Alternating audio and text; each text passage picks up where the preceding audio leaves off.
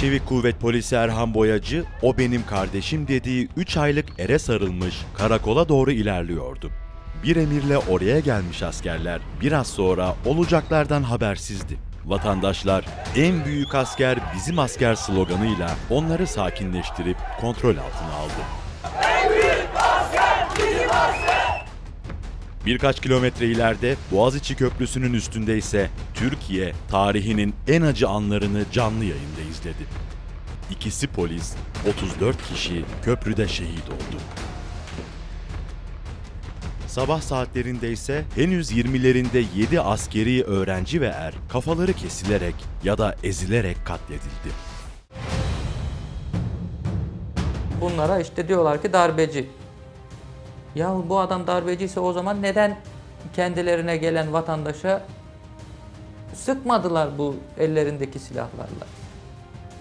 Canları pahasına kimseyi öldürmediler. Ölmek, öldürülmek pahasına kimseye tabanca tutmadılar. O gece Safiye Bayat 35 eri köprüye getiren komutanın karşısına dikilmişti. Tartaklandı, ayağından yaralandı. Gecenin ve sabahın tanığıydı. Yaşadığı dehşeti ve sonrasındakileri vicdanında tartıp özetini çıkardı. Bazıların masum olduğuna, belki de birçok kişinin boşuna yattığına ben de inanıyorum. Ama ayıklayabilir miyim? Hayır, ayıklayamam. Ama bunlar yapılmalı mıydı? Gerçekten yapılmalıydı. 15 Temmuz ve sonrasında yaşananların kısa özetiydi bu sözler. Köprünün altından çok su aktı. Gerçekten o gece ne oldu? Sonrasında yaşananlar ve yapılmak istenen neydi? Gazeteciler, uzmanlar ve tanıklar bu belgesel için on binlerce sayfa iddianame ve ifade tutanaklarını okudu. Onlarca saat görüntüyü saniye saniye analiz etti. Binlerce sayfa haberi taradı. Ortaya ilk kez duyacağınız çok önemli tespit ve belgeler çıktı. Mahkemeler, e, medya, yargı, polis hepsi bir hikaye var. O gece Sadık Üstün, Nuh Yılmaz, Kemal Eskintan'ın anlattığı bir hikaye var. Hepsi bu hikayeye sadık kaldılar. Erdoğan'a mı bir darbe yapıldı, Erdoğan mı darbe yaptığı anlatan önemli e, önemli bir yer Marmaris. Ben 3 yıl CSF'te çalıştım F-35 projesinde. Buradan çıkarılmanın zaten hava kuvvetlerine yapılacak en büyük kötülüklerden biri olduğunu görüyorum. İki numarada bu e, bizim kaliteli, yetişmiş 1100 kişi küsür bütün alayı attılar. Yani bu e, akıl alacak bir şey değil yani. Bir evladın gerçekten zile basıp anne ben geldim demesi, şu kapıdan içeri girmesi ne kadar büyük bir nimetmiş. Bize diyorlar ki sen teröristsin kardeşim. E ben kimim? Ben Deniz Kuvvetleri Komutanı Asubayım. E o gün nerede olduğunu, ne yaptığını, bütün şeylerini biliyorum. E ama ne hikmetse ben evimde oturuyorum. Ama darbe yapmakla suçlanıyorum. Adliyetsiz o yüzden oradaydı. Olay yerine delil bırakmak. Tabii. Adliyetsiz delil olarak oraya bırakıldı. Bir garantiyle. Ben darbe hakkındaki suçlamaları ve ifadeleri okudum ve hiçbir delil bulunmuyor. Erdoğan'ın anlatısı çok zayıf temellere dayanıyor ve herkes bunu biliyor. 6 gün önceden olacakları bildiğini belgeselimde ispatladım. Bu kadar önemli bir noktada bütün yolların kendine kesiştiği bir isim Hulusi Akar ama mahkemelerden kaçtı, savcıdan kaçtı, meclisten kaçtı. Tuzak diyorum. Bu tuzağı kuranlar dışında herkes zarar gördü çünkü. Otobüslere doldurulup Boğaziçi Köprüsü'ne getirilen askeri öğrencilere müebbet verilmesine bakmak yeterli. Yani 15 Temmuz bundan ibaret. 15 Temmuz 2016'da bizim olmamamız lazımmış. 15 Temmuz 2016'da bizim olmamamız lazımmış ki bir sene önce e, medyamıza e, çöküldü.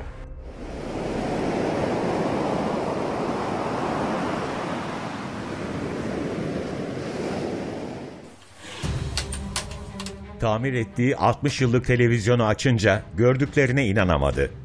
Çünkü 36 yıl önceki 12 Eylül darbe bildirisinin okunduğu yayın ekrana gelmişti. Bu haberdeki gibi inandırıcılıktan uzak bir sahneydi. Boğaz Köprüsü'nde 21.52'de görülen 35 askerin durumu. 15 Temmuz 2016'da yaşananları anlamak için o siyah beyaz televizyonu kapatıp 9 ay öncesine Ankara Garı'na gitmek gerekiyor. Meydan. 10 Ekim 2015 10.04'te Ankara'da Türkiye tarihinin en kanlı bombalı saldırısını yaşadı. Bomba, barış için miting yapan ve ülkenin Suriye'deki iç savaşa dahil olmasına karşı çıkan kalabalığın arasında patlatıldı. 107 kişi hayatını kaybetti, 500 kişi yaralandı. Gar patlaması o yıl gerçekleşen ilk olay değildi. Son da olmayacaktı. Pek çoğunda istihbarat zafiyeti öne çıktı. 2015 Haziran'dan 2016 Temmuz'a kadar geçen sürede 12 büyük saldırıda yüzlerce insan hayatını kaybetti. Türkiye bu şiddet sarmalına 7 Haziran 2015 seçimleri sonrası girdi. O seçimlerde başkanlık sistemi için sandığa giden Erdoğan'ın partisi AKP ilk kez tek başına iktidar imkanını kaybetmişti. 400 milletvekilini verin ve bu iş huzur içinde çözülsün. 400 vekil ne demek? Mecliste anayasayı referanduma gitmeden değiştirmek demek. Bu olmadığı zaman bu işin huzur içinde olmayacağını zaten Erdoğan söylemişti. Çözüm süreci neden e, rafa kaldırıldı? HDP e, 7 Haziran seçimlerinde çok yüksek bir performans elde etmişti. Recep Tayyip Erdoğan seni başkan yaptırmayacağız. Seni 7 Haziran e, seçimlerinde Kürt açılımının e, bir meyvesi olarak e, Erdoğan'ın ve askeriyenin derin devletin yüzüne tokat gibi indi. Hemen o geceki toplantıda şu konuşuldu. Ya bunlar bir dahaki seçime biraz daha fazla da koalisyon hükümetine girer de bir gün milli güvenlik toplantısına girerse çünkü insan olarak görmüyor. Kürt o. Nasıl milli güvenlik toplantısına girebilir? Ve o Milli Güvenlik Kurulu toplantısı e, Türkiye'de yeni bir darbenin geleceğinin başlangıcıydı esasında. 7 Haziran sonrası Erdoğan koalisyon hükümetinin kurulmasını istemedi. Bir kez daha seçim kararı aldı. Ülke yangın yeriydi.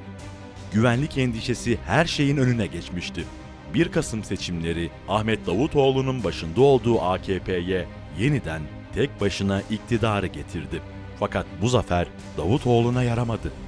Davutoğlu'nun başkanlık sisteminde ayak diretmesiyle e, ipi çekildi. 1 Kasım seçimlerinden sonra Davutoğlu, halk başkanlık sistemine onay vermedi deyince, çok değil 7 ay sonra Pelikan adı verilen parti içi bir darbeyle başbakanlıktan alındı. Yerine getirilen Binali Yıldırım, Erdoğan'a başkanlık vaat ediyordu. Yeni bir anayasaya ihtiyacı var Türkiye'nin. Yeni anayasayı, başkanlık sistemini getirmeye hazır mısınız? Erdoğan bir yandan partisini dizayn ediyor, diğer taraftan Gülen cemaatini ortadan kaldırmak için adımlar atıyordu. 2013 yılının Aralık ayında bakanlarına ve ailesine kadar uzanan yolsuzluk operasyonlarının izlerini cemaati kriminalize ederek silmek istiyordu. Sadece cemaate yakın yayın organları değil, diğer medya kuruluşları da Erdoğan'ın hedefindeydi. Medya anlamında bir saha temizliği olması gerekiyordu ki 15 Temmuz 2016'da kurgulanan neyse etkin bir şekilde götürülsün. Hiçbir cılız, hiçbir çatlak ses çıkmasın. HDP şeytanlaştırıldı. Sadece Kürt medyasının kapatılması değil. Muhalefet bölündü. Milliyetçi Hareket Partisi iktidar cenahına çekildi. CHP ve kalan medya unsurları ise e, en az 2-3 sene 2016, 2017, 2018 rejimin 15 Temmuz söylemine, 15 Temmuz'un e, dümen suyuna e, kapılmaktan, katılmaktan kendilerini alamadılar. Biz her zaman şunu söyleriz. Türkiye'de bir gazeteciyle tanışmak istiyorsan gideceğin yeri biliyorsun. Onları hapiste bulursun. Gazeteci Can Dündar adliye önünde silahlı saldırıya uğradı, hapse atıldı. O dönemde tutuklanan bir başka gazeteci de Nokta Dergisi Genel Yayın Yönetmeni Cevheri Güvendi. Para musluklarını açarak medyanın ele geçirilmesi, gazetecilerin korkutulması, tutuklanmaları, bütün bu yöntemleri çok ağır biçimde uyguluyordu. Bir taraftan da yargı bağımsızlığının yok edilmesi için işte HSK sisteminin değiştirilmesi, HSK seçimlerine aşırı abanma, hakim savcıların görevden alınması, tutuklanmaları gibi süreçlerle Tayyip Erdoğan'ın bu rejim değişikliğini sorgulayabilecek ve bu rejim değişikliğine set çekebilecek iki tane güç yok edildi Türkiye'den. Ve bunun ne kadar değerli olduğunu 15 Temmuz'dan sonra da gördük. O günlerde ülke güvenliği büyük zafiyet altındaydı. Terör saldırıları silahlı kuvvetler karargahının dibine kadar gelmişti. Ankara Merasim Sokak'ta askeri servis araçlarının çıkış saatinde bomba patlatıldı. 29 kişi hayatını kaybetti. Meclise 5, Genelkurmay Başkanlığına birkaç dakikalık yürüyüş mesafesindeki saldırının olduğu günlerde ülke gündeminde ise askeri darbe iddiaları vardı. Şöyle bir şey düşünebiliyor musunuz? Birçok ifadede var. Hulusi Akar her ortamda Erdoğan'ı eleştiren politik söylemlerde bulunuyor ki TSK'yı içeriden hazırlıyor bir taraftan. Yani komuta kademesi duruşma, durumdan rahatsız müdahale edecek.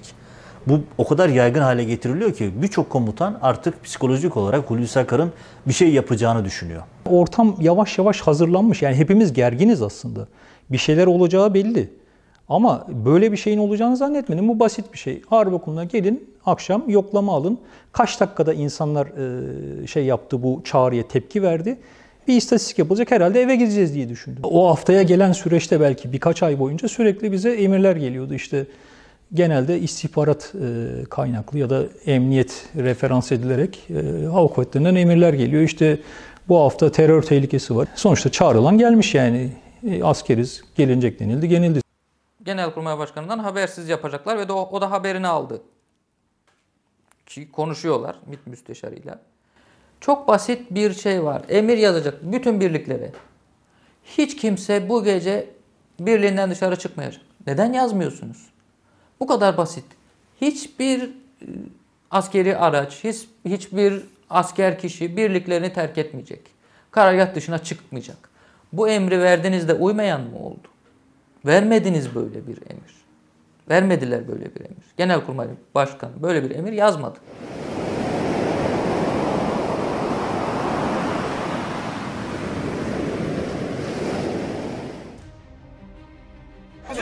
Ki polise yardım edeceğiz. Çıkacağız. Polisleri bir yere girmiş. Destek lazım. Çıkacağız dediler. Biz kendimizi valiliği kuşatmış bulduk. Haberimiz yok. Darbeden haberiniz yok muydu? Yok yok. Biz oraya gidince televizyondan gördük ya. Üst rütbelisinden erine kadar pek çok asker o gece için aynı sözleri söyledi. Tatbikat için göreve çağrıldık, kendimizi sokakta bulduk. Az sayıda asker darbe yapıldığını düşünerek hareket etti. Keskin nişancılar ve silahlı siviller de o gece sokaklardaydı. 15 ve 16 Temmuz'da 350 kişi hayatını kaybetti. Özel harekat bombalandı, meclis vuruldu. O gece herkesin ayrı bir hikayesi vardı. Ancak sonrasında iktidar hepsini bir çuvala doldurdu. Darbeye karşı çıkan da, Erdoğan'ı koruyan da, hatta hasta yatağında olan bile sonrasında darbeci ilan edildi. Ben o gece lojmanda çocuğumu uyutuyordum, evdeydim. Ama beni iki ay sonra terörist damgası yapıştırılarak önce açığa aldılar sonra da ihraç ettiler. Ve bunun bahanesini 15 Temmuz olarak söylüyorlar. Orada benim gibi binlerce insan var. Hiçbir şeye karışmamış, hiçbir şeye bir dahli olmamış. Hatta bazılarının işte diyelim ki orada bir olay varsa karşı durmuş. Böyle bir sürü örnek var. İnsanları tasfiye etme aracı olarak kullandılar bu 15 Temmuz mevzusunu. Darbe denilen şey emir komuta içerisinde gerçekleştirilir. Yani bir sahada uygulaması vardır, bir de onun komuta heyeti vardır ve bir darbe planı vardır. Ortada komuta heyeti yok, ortada darbe planı yok ama emri uygulayan, Boğaz Köprüsü'nü kapatan askerler gibi askerler var. O emri uygulayan insanların, o emri uygulayan askerlerin rütbeli rütbesiz bir tuzağa çekildiği anlaşılıyor. Aynı şekilde sivillere de emirler veriliyor, talimatlar veriliyor ve siviller de sahaya çıkıyorlar. Dolayısıyla emir verilenler arasında bir mücadele geçiyor. Bir de bir tuzak olduğu belli çünkü belli bir kişi, kesim bunu ayarlamış, düzenlemiş. Sonra kendileri hiç ortada yok. Gürsev Pirge Hava Kuvvetleri'nde albaydı. O gece öğretim üyesi olarak görev yaptığı Hava Harp Okulu'na amirinin emriyle gitti. Verilen listeye göre meslektaşlarını okula çağırdı. Fakat sonrasında hiç beklemediği olayların içinde kaldı. Amiri o sırada okulda bile olmayan harbiyelileri yanına alıp Türk Hava Yolları'na gitmesini istedi. İkinci filodan 20 tane harbiyeli, üçüncü filodan 20 tane harbiyeli bir liste var. Şu kişileri yanına alacaksın falan diye. Ben güldüm, şaşırdım yani böyle bir şaka mı falan gibi bir tepki gösterdim. O zaman kızdı tabii.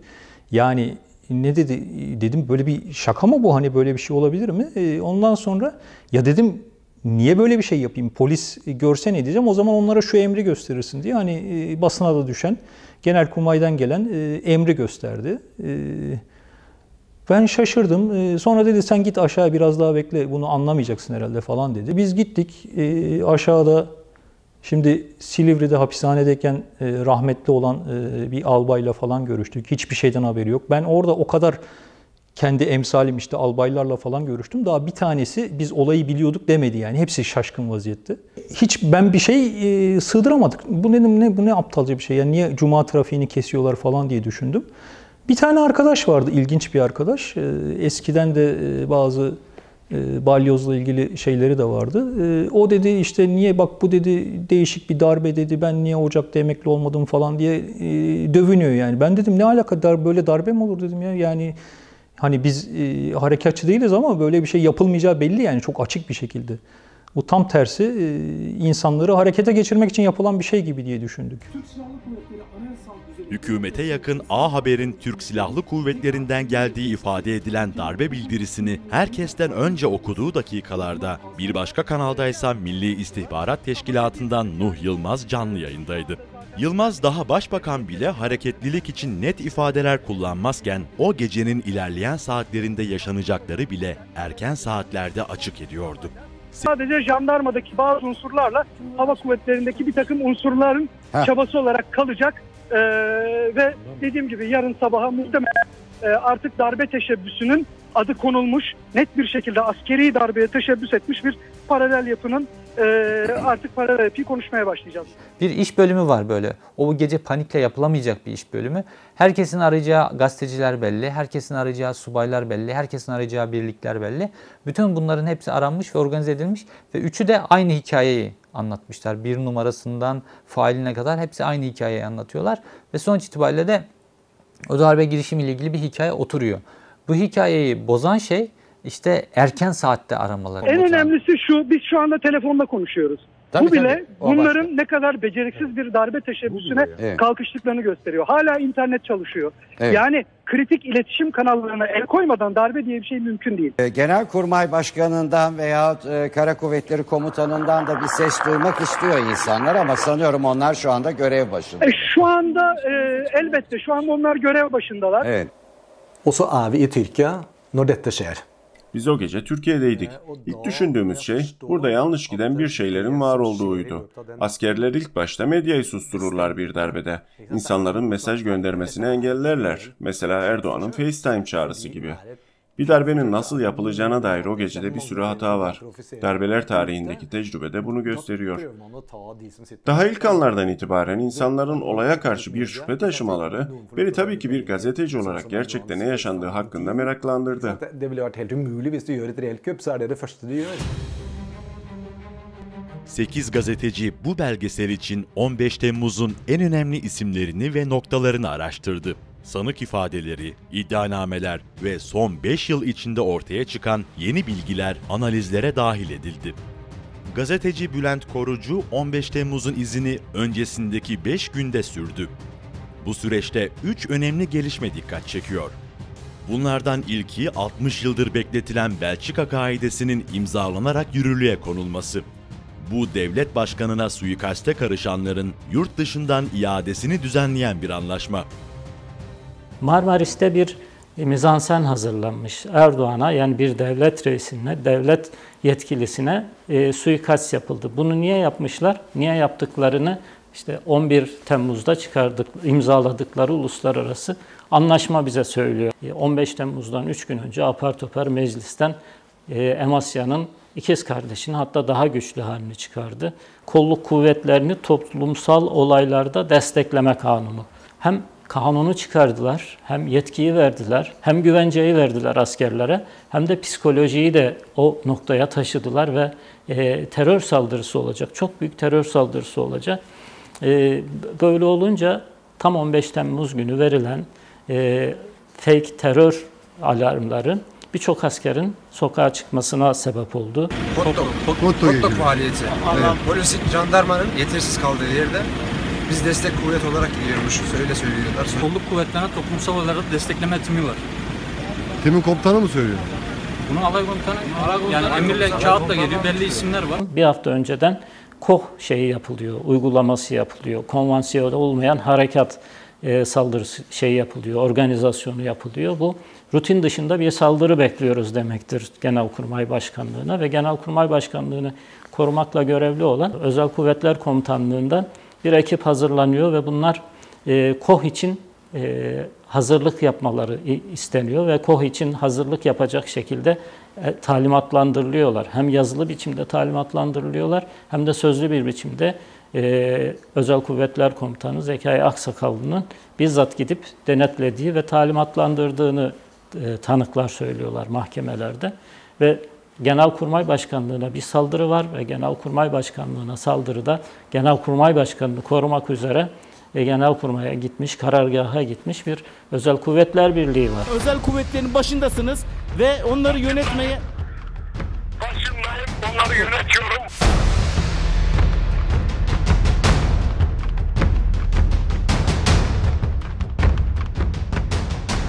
Özel Kuvvetler Komutanlığı Korgeneral Zekai Aksakallı o gece televizyon ekranlarında bunları söylediği dakikalarda Ankara'ya çağırdığı Tuğ General Semih Terzi'yi bekliyordu. Terzi darbeci ilan edilecek. Aksakallı'nın emriyle Assubay Ömer Halis Demir tarafından öldürülecekti.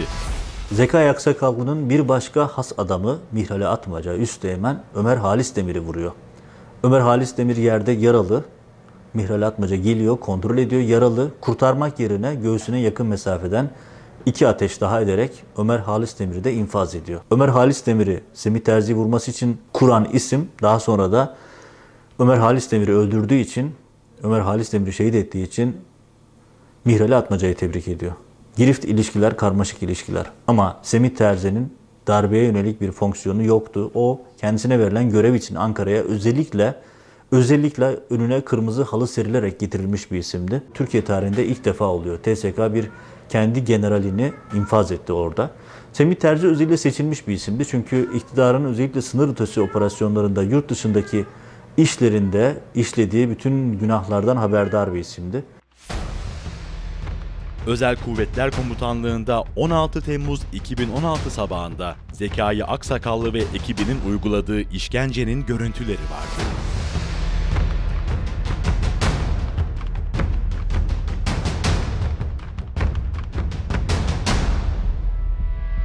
Hakan Fidan, Milli İstihbarat Teşkilatı Başkanı. 15 Temmuz'da darbe yapılacağı istihbaratıyla Genelkurmay Başkanlığı'na gitti. Burada tam iki buçuk saat kaldı. Genelkurmay Başkanı Hulusi Akar'la birlikteydi. Karargahta çıktığı kapıdan özel kuvvetler timi girdiğinde ise o Suriyeli muhalif lider Muaz El Hatip ve Diyanet İşleri Başkanı Mehmet Görmez'le yemekteydi. Genelkurmay Cumhurbaşkanı da cevap vermiyor. MİT Cumhurbaşkanı da cevap vermiyor. MİT Başbakan'a cevap vermiyor. MİT Deniz Kuvvetleri Komutanı'na cevap vermiyor. MİT Hava Kuvvetleri Komutanı'na cevap vermiyor. Genelkurmay Başkanı ve Hava, Kara Kuvvetleri Komutanı ile beraber onları da bir saat sonra bırakıp işte e, MİT binasında yemeğe gidiyor. Suriyeli bir örgüt lideriyle niye yemek yiyorsa o sırada en komedisi şurası. Diyanet İşleri Başkanı karım aradı. Darbe oluyormuş. Valla benim haberim yok diyor Hulusi şey, Hakan Fidan. Şimdi sen bütün bu benim haberim yok diyen Hakan Fidan'ın yorumunu yapmamı istiyorsun. Milli İstihbarat Teşkilatı'nın o günkü rolü yatsınamaz. Bunu 5 sene sonra, 6 sene sonra nasıl görüyorsunuz? Şuradan görüyorsunuz. İfadeye vermeyen kim, ifadeye gitmeyen kim? Milli İstihbarat Teşkilatı'nın başkanı Hakan Fidan. İfade vermeye gitmeyen kim? Genelkurmay Başkanı Hulusi Akar. Ve o gün ortadan kaybolan iki isim kim? Hulusi Akar ve Hakan Fidan. Yoklar. İfade ediliyor ki bize Cumhurbaşkanı da Başbakan da ulaşamadılar bu isme.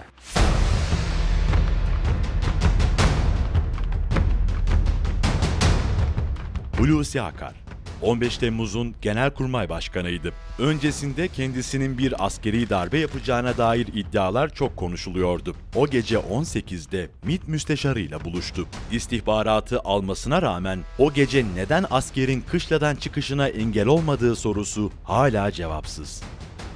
Hulusi Akar 15 Temmuz gününde 5 dakikada engelleyebileceği bir darbe girişimini, feci olayları engellemiyor. Özellikle atması gereken adımları atmıyor. Erdoğan'a haber vermiyor, kuvvet komutanlarına ulaşmıyor.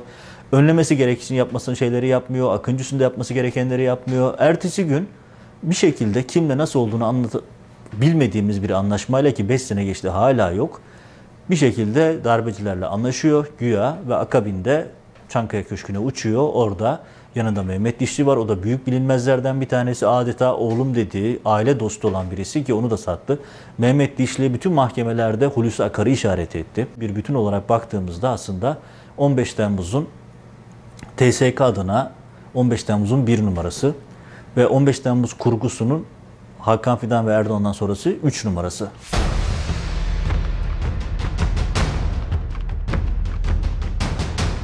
Akıncı Üssü 15 Temmuz'un en önemli merkeziydi.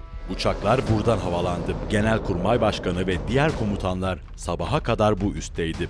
O gece üste olanları anlamak için izlerin peşine düşenler şoke oldu. Çünkü üstteki önemli deliller 16 Temmuz günü savcının talimatıyla silinmişti. Mahkeme ise o gecenin en kritik isimlerini dinlemeye gerek bile görmedi. Şimdi dünyanın hiçbir yerinde hiçbir yargıç şunu diyemez. Türk Silahlı Kuvvetleri'nin komutanı o gün darbenin yönetildiği söylenen üste bütün geceyi orada geçirmiş. Bütün o darbeci denilen ekiple birlikte mesai yapmış. Fakat bu kişi sorgulanmasına gerek yoktur diyemez. Bunu boşanma davası avukatı bile bu davaya baksa diyemez. Ama orada ağır ceza e, mahkemesi başkanı gerek yoktur diyor ve iddia makamıyla birlikte hareket eden işte Tayyip Erdoğan'ın avukatları, Adalet Kalkınma Partisi'nin avukatları da gerek yoktur diyor. Ya bundan daha gerekli bir şey yok aslına bakarsanız. Hulusi Akar getirilmiyor. Bu çok önemli bir karartma. Hem Akıncı Üssü Komutanı hem Akıncı davasına yargılanan subayların talepleri var. Bazı uçaklar orada bir bombalama yapmışlar. Bu net yani sonuç itibariyle bombalar o binaları uçurdular havaya. Fakat bu hangi uçak? Hangi uçak olduğunu öğrenmemiz bize hangi pilotu götürecek? O hangi pilot kimin talimatını götürecek? Fakat baktığımızda burada bir karışıklık oluşuyor. Ve oradaki pilotlar ee, özellikle kuledeki görevliler vesaire bunlar bu uçakların araştırılması, bu rapordaki bu çelişkilerin aydınlatılmasını istiyorlar. Fakat mahkeme buna da gerek görmüyor. Yani birileri yargılanıyor ve mahkum ediliyor ama sonuçta o bombayı oraya hangi pilot attıysa onun yargılanması lazım. Yani diğer subaylar da karışmış olabilirler darbe girişiminin içerisinde. Fakat doğrudan bizzat orada o bombayı kim atmışsa onun yargılanması lazım. Bununla ilgili bir karartma var. Ben bunun o emekli subaylar e, olayıyla birlikte düşünüyorum ben aslında. O emekli subayların kimliği sürekli gizleniyor.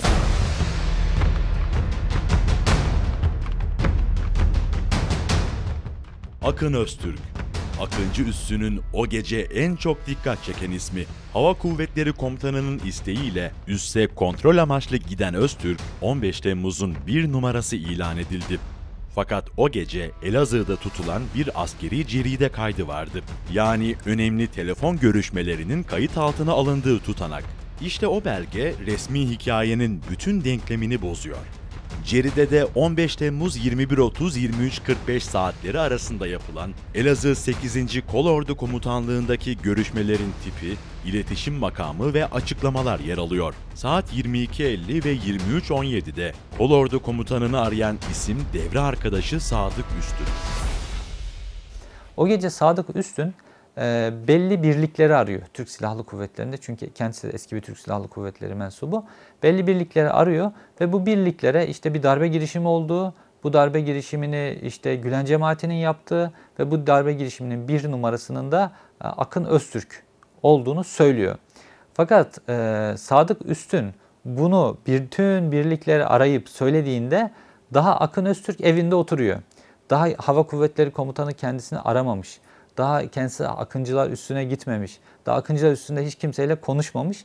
Daha Akın Öztürk evinde pijamalarıyla otururken bu darbe girişiminin bir numarası diye Sadık Üstün tarafından bütün e, birlikler aranarak söyleniyor.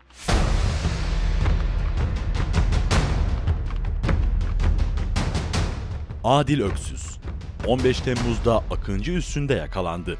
Gülen cemaatinin hava kuvvetleri sorumlusu olduğu iddiasını duymayan kalmamıştı. Ancak orada bulunan diğer sivillerin aksine mahkeme onun elini kolunu sallayarak gitmesine izin verdi. Darbe oldu, başarısız olduğunu hissetti. E, Adil Öksüz işte e, Lütfansa'ya atladı da kaçtı İstanbul'dan falan. olmaması gerekiyordu. Adil Öksüz'ün mücadele alanında kaçması gerekiyordu ki bu işi e, Fethullah Gülen'in birinci imamının en merkezi yerinde olmasını insanlara inandırsınlar. Adil Öksüz o yüzden oradaydı. Olay yerine delil bırakmak. Tabii. Adil Öksüz delil olarak oraya bırakıldı. Bir garantiyle. Merak etme yavrum biz seni buradan uçururuz. Uçurdular da. Darbenin e, neticede sivil planlayıcısı olduğu iddia edilen kişinin yakalandıktan sonra salıverilmiş olması bence esas cevaplaması gereken kısım karşı taraf. Devlet ya da AKP ya da e, bu iş organizasyonunda MIT'in cevap vermesi gereken bir durum. Adil Öksüz'ü nasıl serbest bıraktınız? Neden serbest bıraktınız? Sürdüğümüz izlerde Adil Öksüz'ün de bizzat Hakan Fidan'la tanıştığına ilişkin bilgiler var. Şimdi e, bir darbe girişimini organize eden adam e, pozisyondaki birisinin Hakan Fidan'la tanışıyor olması cemaat içerisindeki çok önemli pozisyonlarda bulunan Kemalettin Özdemir'in Hakan Fidan'la tanışıyor olması çok enteresan. Fakat hükümet buranın üzerine de beton döküyor. Adil Öksüz ve tüm bağlantıların üzerine de beton döküyor.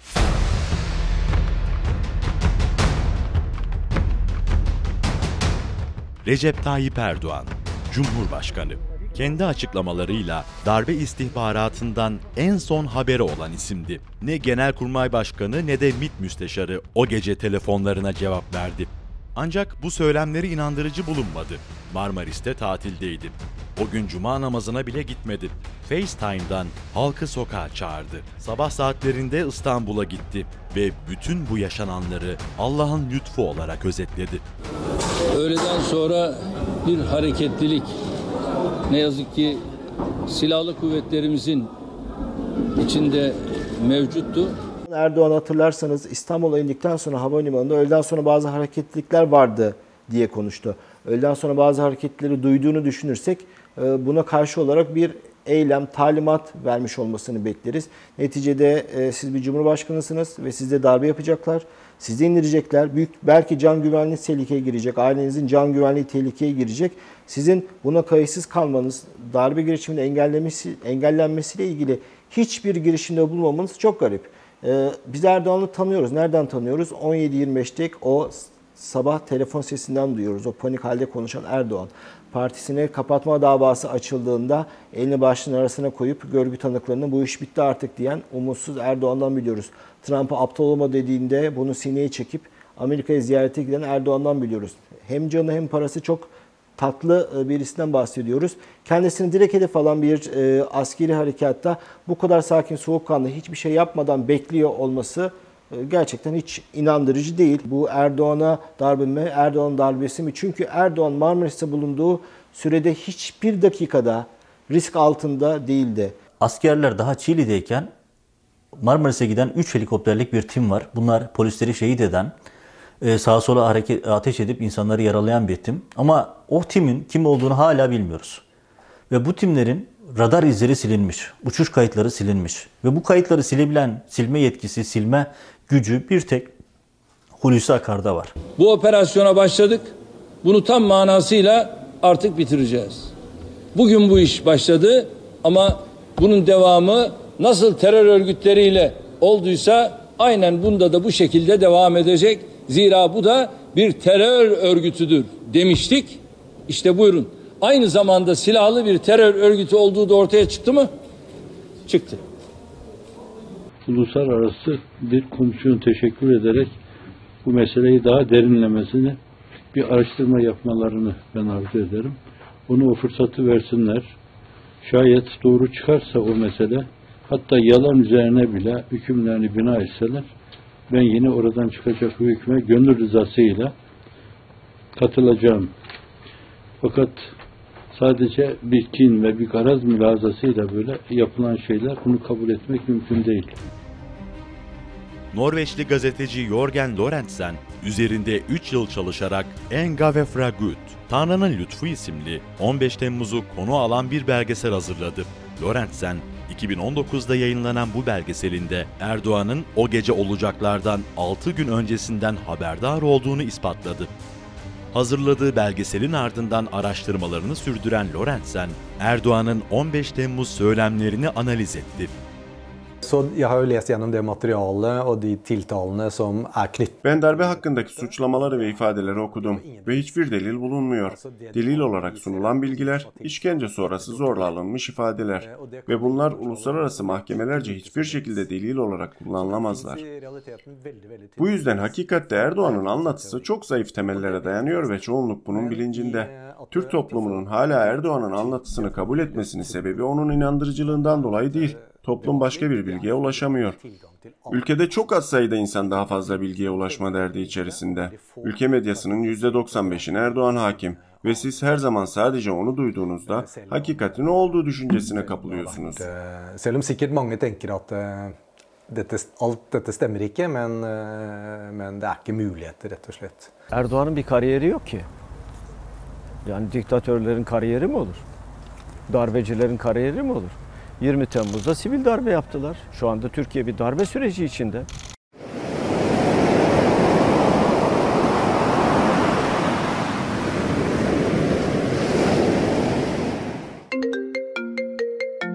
Alo, merhaba Hasan Bey. Nasılsınız? Neredesiniz? Beyefendi nasıl? Güvenli bir yerdeyiz. Sağlığımız iyi. Görüşürüz. 15 Temmuz gecesine dair kısa ama pek çok bilgi içeren bir görüşmeydi bu. Ankara Cumhuriyet Başsavcısı Harun Kodalak tarafından iki gün önce Gülen cemaatini terör örgütü ilan eden iddianame hazırlanmıştı. Fakat iddianameye eklenecek delil bulunamamıştı. Bizim teknik olarak bir sıkıntımız var. Teknik sıkıntı. Biz birçok kesimi silahlı bir terör örgütü olduğunu olduğunu inandıramıyorduk. İddianamemizde de e, bu argümanımızı destekleyecek çok doyurucu belgeler, bilgiler bulamadık.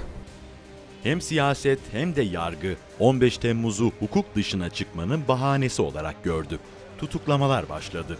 Gece ilk olarak binlerce hakim ve savcıya görevden el çektirildi. We are very concerned. I think we're seeing an extraordinary crackdown on the independence. Yargının bağımsızlığına olağanüstü bir baskı yapıldığını düşünüyorum. Darbenin başarısız olduğu saatler içinde 2700 veya daha fazla sayıda yargıç görevden uzaklaştırıldı.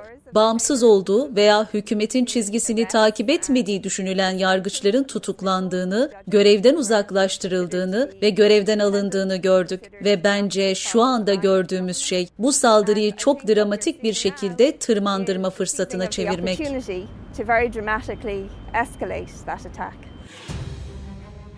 O gece askeri hareketliliğin başlamasından bir saat sonra önceden hazırlanan listeler işleme konuldu. Bazı tutanaklarda daha gerçekleşmemiş olaylar bile saatler öncesinden kayıt altına alındı. Sokakta ya da kışlada askerin ne yaptığından çok savcılık elinin altında hazır olan dosyalarla hareket etti. Bunun en çarpıcı örneklerinden biri eşleri 2010 yılındaki kamu personeli seçme sınavında başarılı olması bahanesiyle 300 askerin darbeci denilerek tutuklanmasıydı. O 482 kişinin yaklaşık 300 tanesini o gece aldık darbe teşebbüsünden. Şimdi bir darbe biliyorsunuz 3-5 kişiyle olmaz. Herhangi bir yargılama yapmadı. Hiç kimse savunmaları dikkate almadı. Siz orada olmadığını ispatlayan, dünyanın dört tarafında olduğunu ispatlamış, o gece hasta yat düşünün. O gece hasta yatağında yatan adamı darbeci diye tutukluyorlar. Albay Gürsev Pirge, hava kuvvetlerinin önemli projelerinde yer aldı. Yüzlerce askeri pilot yetiştirdi. 27 Temmuz 2016'da çıkarılan olağanüstü hal kararnamesi sonrasında gözaltına alındı. Yargılandı, emekliliğe zorlandı. O ana kadar harp okulundan yüze yakın kişiyi tutuklamış başsavcı vekiline diyorum ki beni akşam aradı amirim. Şeye göre çağır insanları dedi. Buradaki çağırma planına göre. Bana o zamana kadar 100 kişiyi tutuklamış savcı vekili, başsavcı vekili diyor ki çağırma planı ne? Yani kimseyi doğru dürüst ifade bile almamışlar. Bunu yapanlar şeydir falan diye eklemiş oraya. Benim dışında diğer kişilere de eklemiş ifadeye. Bir paralel bir devlet yapılanması yapmıştır bunu. Ben böyle bir şey demedim ama orada demiş onu, eklemiş. Hava kuvvetlerinde işte kendilerine göre bir FETÖ diye bir tehdit uydurup hala 5 yıl sonra nasıl bir örgütse bulup tutuklanan, hapse atılan, emekli de olsa, ayrılsa da e, gidip hapse attıkları insanlar var. Ben bunların e, nasıl bir anda belirlendiğini, neye göre belirlendiğini merak ediyorum. İlk ifade veriyorum. Diyorum ki herkesi ben çağırdım, telefonla ben çağırdım diyorum. Bundan açık bir şey nasıl söylenir bilmiyorum. E, beni serbest bırakıyor. E, gidiyor bir yandan da e, olayla, olay sırasında Adana'da, bu gerçek bir olay. Adam Adana'da yani. E, onu şey yapıyor, e, e, işte müebbet hapisle yargılıyor. Yani bunun açıklamasını ben bulamıyorum açıkta, açıkçası. Ve Adana'da bulunan kişiyi hani bir örgüt mensubiyetiyle değil de darbeye katılmakla adam o sırada e, şehir dışındaydı gerçekten ailesiyle e, bir özel işi için oraya gitmişti. E, nasıl bu şekilde bir tespit yapılmış? Neye göre yapılmış? Herhalde hani hep diyoruz ya bir hukuk devletiyiz biz. Hukuk devleti ise kurallar bellidir. Kurallar bellidir ve herkes de bilir o kuralları öyle de söylemek lazım. Harp okulu öğrencilerinin bu işe bulaştırılmasının ben bulaştırma diyorum belki iyi bir ifade değil ama sebebi e, bu kaliteli insanları e, harp hava kuvvetlerinden e, ve diğer kuvvetlerden belki atılması hedefi olarak görüyorum. Başka bir sebep bulamıyorum yani. Hava Harp Okulu öğrencileri 15 Temmuz gecesi otobüse doldurularak Boğaziçi Köprüsü'ne gönderildi. O meçhul yolculuk sebebiyle 19-20 yaşındaki gençlere müebbet hapis cezası verildi. Onlardan biri de Taha Furkan Çetinkaya. Annesi oğlunun hakkını savununca hapse atıldı. Burada benim istediğim sadece askeri öğrencilerin e, masumiyetinin ortaya çıkması kadar 15 Temmuz'un gerçek sorumlularının da ortaya çıkmasını istememdi. Çünkü orada şehit edilmiş 251 vatandaş vardı ve bu insanların da gerçek katilleri ortaya konulmamıştı. Gerçek sorumluları ortaya konulmamıştı. O yüzden benim cezaevine konulmam, sokaklarda sürüklenmem gerçekten ülkemize gelmiş, e, başına gelmiş bu acının yanında büyük bir acı olduğunu düşünmüyorum. Bu uğurda bir vatandaş olarak, bir anne olarak her türlü sıkıntıya da katlanmam gerektiğini düşünüyorum. Bu çocuklar o gece hiçbir şey yapmadılar. Biz onlara darbe olduğunu söylediğimizde otobüsten indiler. Bizimle beraber İstiklal Marşı okudular demelerine rağmen bizim çocuklarımıza müebbet cezalar verildi. Üstelik e, şöyle bir şey de var. Türkiye'de bir boşanma davasının bile 3 yıl sürdüğü Hukuk sisteminde koskoca darbe davasını 6 ay gibi kısa bir sürede bitirdiler ve çocuklarımıza müebbet ceza verdiler. Yani e, buna böyle baktığınızda kesinlikle 15 Temmuz'un gerçek sorumlularının ortaya çıkmasını istemediklerini düşünüyorum. Hiç aklıma gelmezdi yani çocuğum adına o kadar çok hayallerim varken sadece şu kapıdan girdiğini görmeyi isteyeceğimi hiç düşünmezdim. Şu kapıdan girdiğinin bir nimet olduğunun hiç farkına varmamıştım. Bir evladın gerçekten zile basıp anne ben geldim demesi, şu kapıdan içeri girmesi ne kadar büyük bir nimetmiş.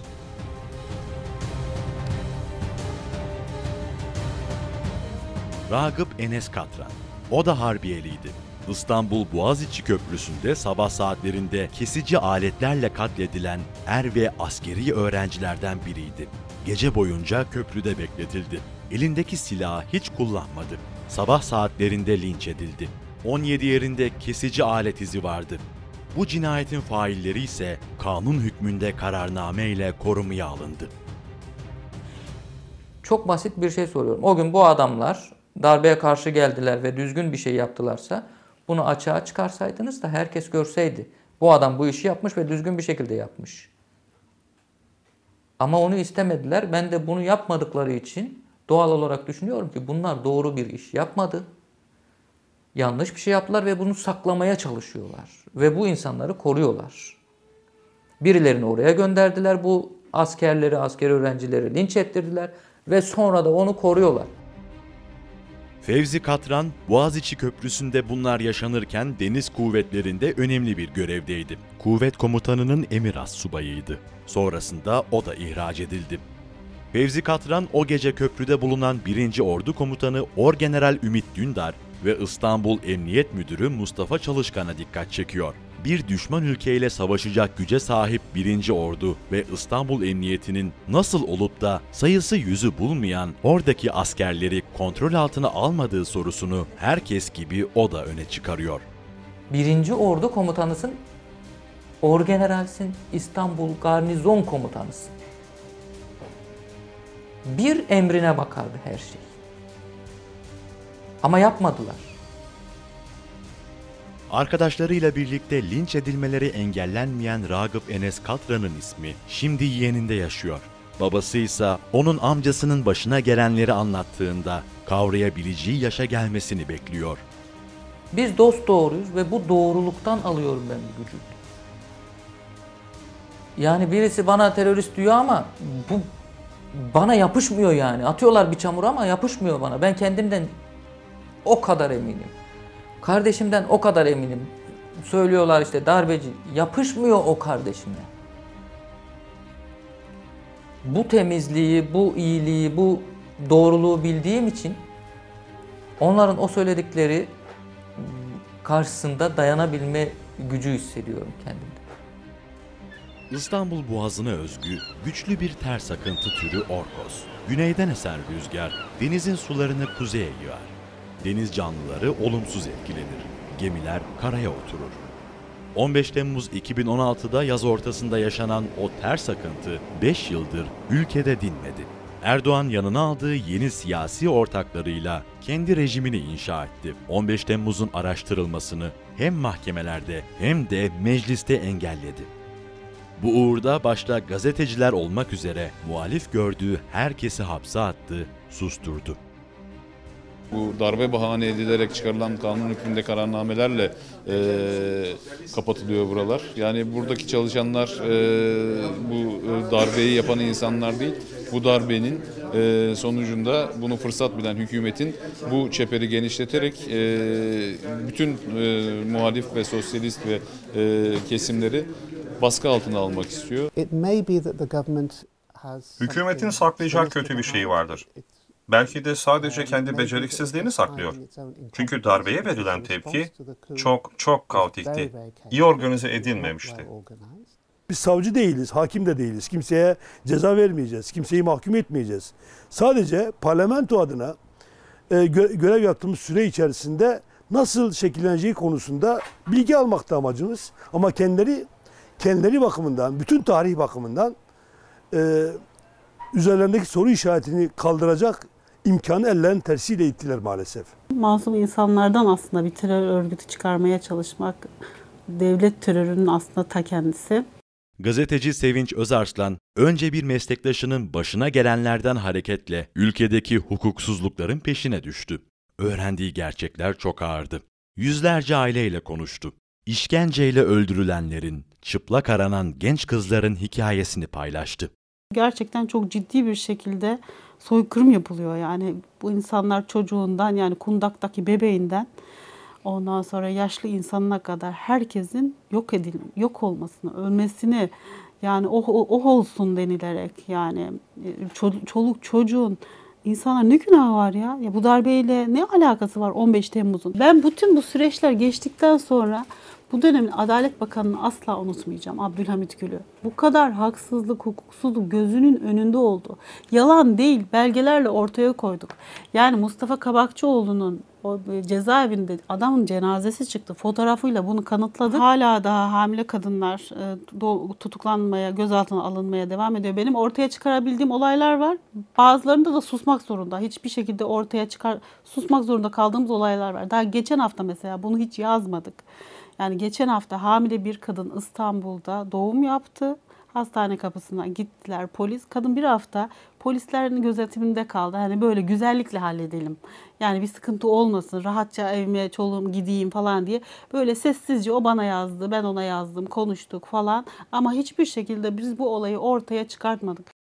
Och det är helt uppenbart att sykepleiere, leger... Doktorların, öğretmenlerin, hemşirelerin hiçbir şekilde darbeyle alakasının olamayacağı apaçık. Aynı şey rejim tarafından zorla kaçırılanlar için de geçerli. Hizmet hareketinin yaşadıkları Yahudi soykırımı sırasında yaşananlarla karşılaştırılabilir. Almanya'da da bir topluluk ülkede olayların kötü gitmesinden sorumlu tutulmuştu. Sadece Gülenistler değiller rejimin baskısını yakından hissedenler. Kürtler, diğer politik muhalifler ve Kemalistler de rejimin baskısına maruz kalıyorlar. Och terror i, i Türkiye och Nordirak nu, hvor Türkiye har gått in. 15 Temmuz 2016 ve sonrasında yaşananlar objektif bir araştırmayla kolayca aydınlatılabilirdi. Ancak ne mahkemeler ne de istisnalar hariç gazeteciler bu konuda çaba göstermiyor ya da gösteremiyor. 15 Temmuz'da Türkiye gemisini karaya oturtan Orkoz'un geriye bıraktığı hasarın telafisi ise pek kolay görünmüyor.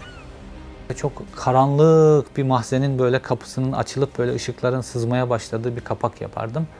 E, çünkü bu karanlığı aydınlatmak, 15 Temmuz'u aydınlatmak bütün bu baskı rejiminin tamamen yıkılması için çok önemli bir e, kilit taşı ve aydınlık bizi işte 15 Temmuz'la kapkara hale getirilen kapının arkasında bekliyor.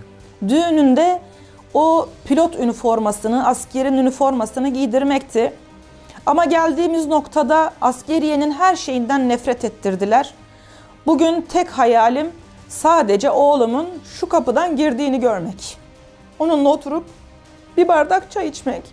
Başka bir hayal bırakmadılar bize gerçekten. 5 yıl önceye gitseydim, yani 14 Temmuz gününe gitseydim hani Back to Future diye e, meşhur filmler gibi ben ne yapabilirdim? E, bundan bir çıkış bulamıyorum. Akıl sınırlarımı aşan bir kurgu bu. Yani böyle bir şey kurgu. E, öyle bir şey yapılmış ki bunun dışına çıkmak, engellemenin, e, durdurmanın çok zor olduğunu düşünüyorum. Türkiye bundan sonra ben yaşadığım sürece başka kaç darbe göreceğim onu merak ediyorum. Mutlaka endişeliyim. Her darbede endişeliyim. Çünkü her darbede mutlaka ezilmesine yemin edilmiş insan benim. Günün birinde 15 Temmuz'u kurgulayan isimlerden birilerine çıkıp evet biz 15 Temmuz'da çok güzel bir operasyon yaptık. Yani 250 kişi öldü ama rejimi değiştirdik. Çok da iyi yaptık itirafını günün birinde göreceğiz. Bundan hiçbir şüpheniz olmasın. İntikam duygusu zararlı bir duygu. Kişinin herkesten önce kendisine zarar veren bir şey. Yani o yüzden o intikam duygusuna kalbi temizlemek gerekiyor. Onlara o zulmü durdurma adına bir şey yapamanın vermiş olduğu bir çaresizlik var. Ee, o üzüntüyü bir şey yapamamayı hissediyorum. Kelimeyle söyleyecek olursam koskocaman büyük bir acı, büyük bir yumruk e, göğsümüze oturan. Azıcık vicdan, azıcık akıl çalıştırması yapsın lütfen insanlar. Fırsatı tepen bir ülkedir Türkiye. Ve hep böyle olmuştur esasen. Çok üzgünüm. Türkiye'de bir şey özlüyor musun? Hiç aramıyorum.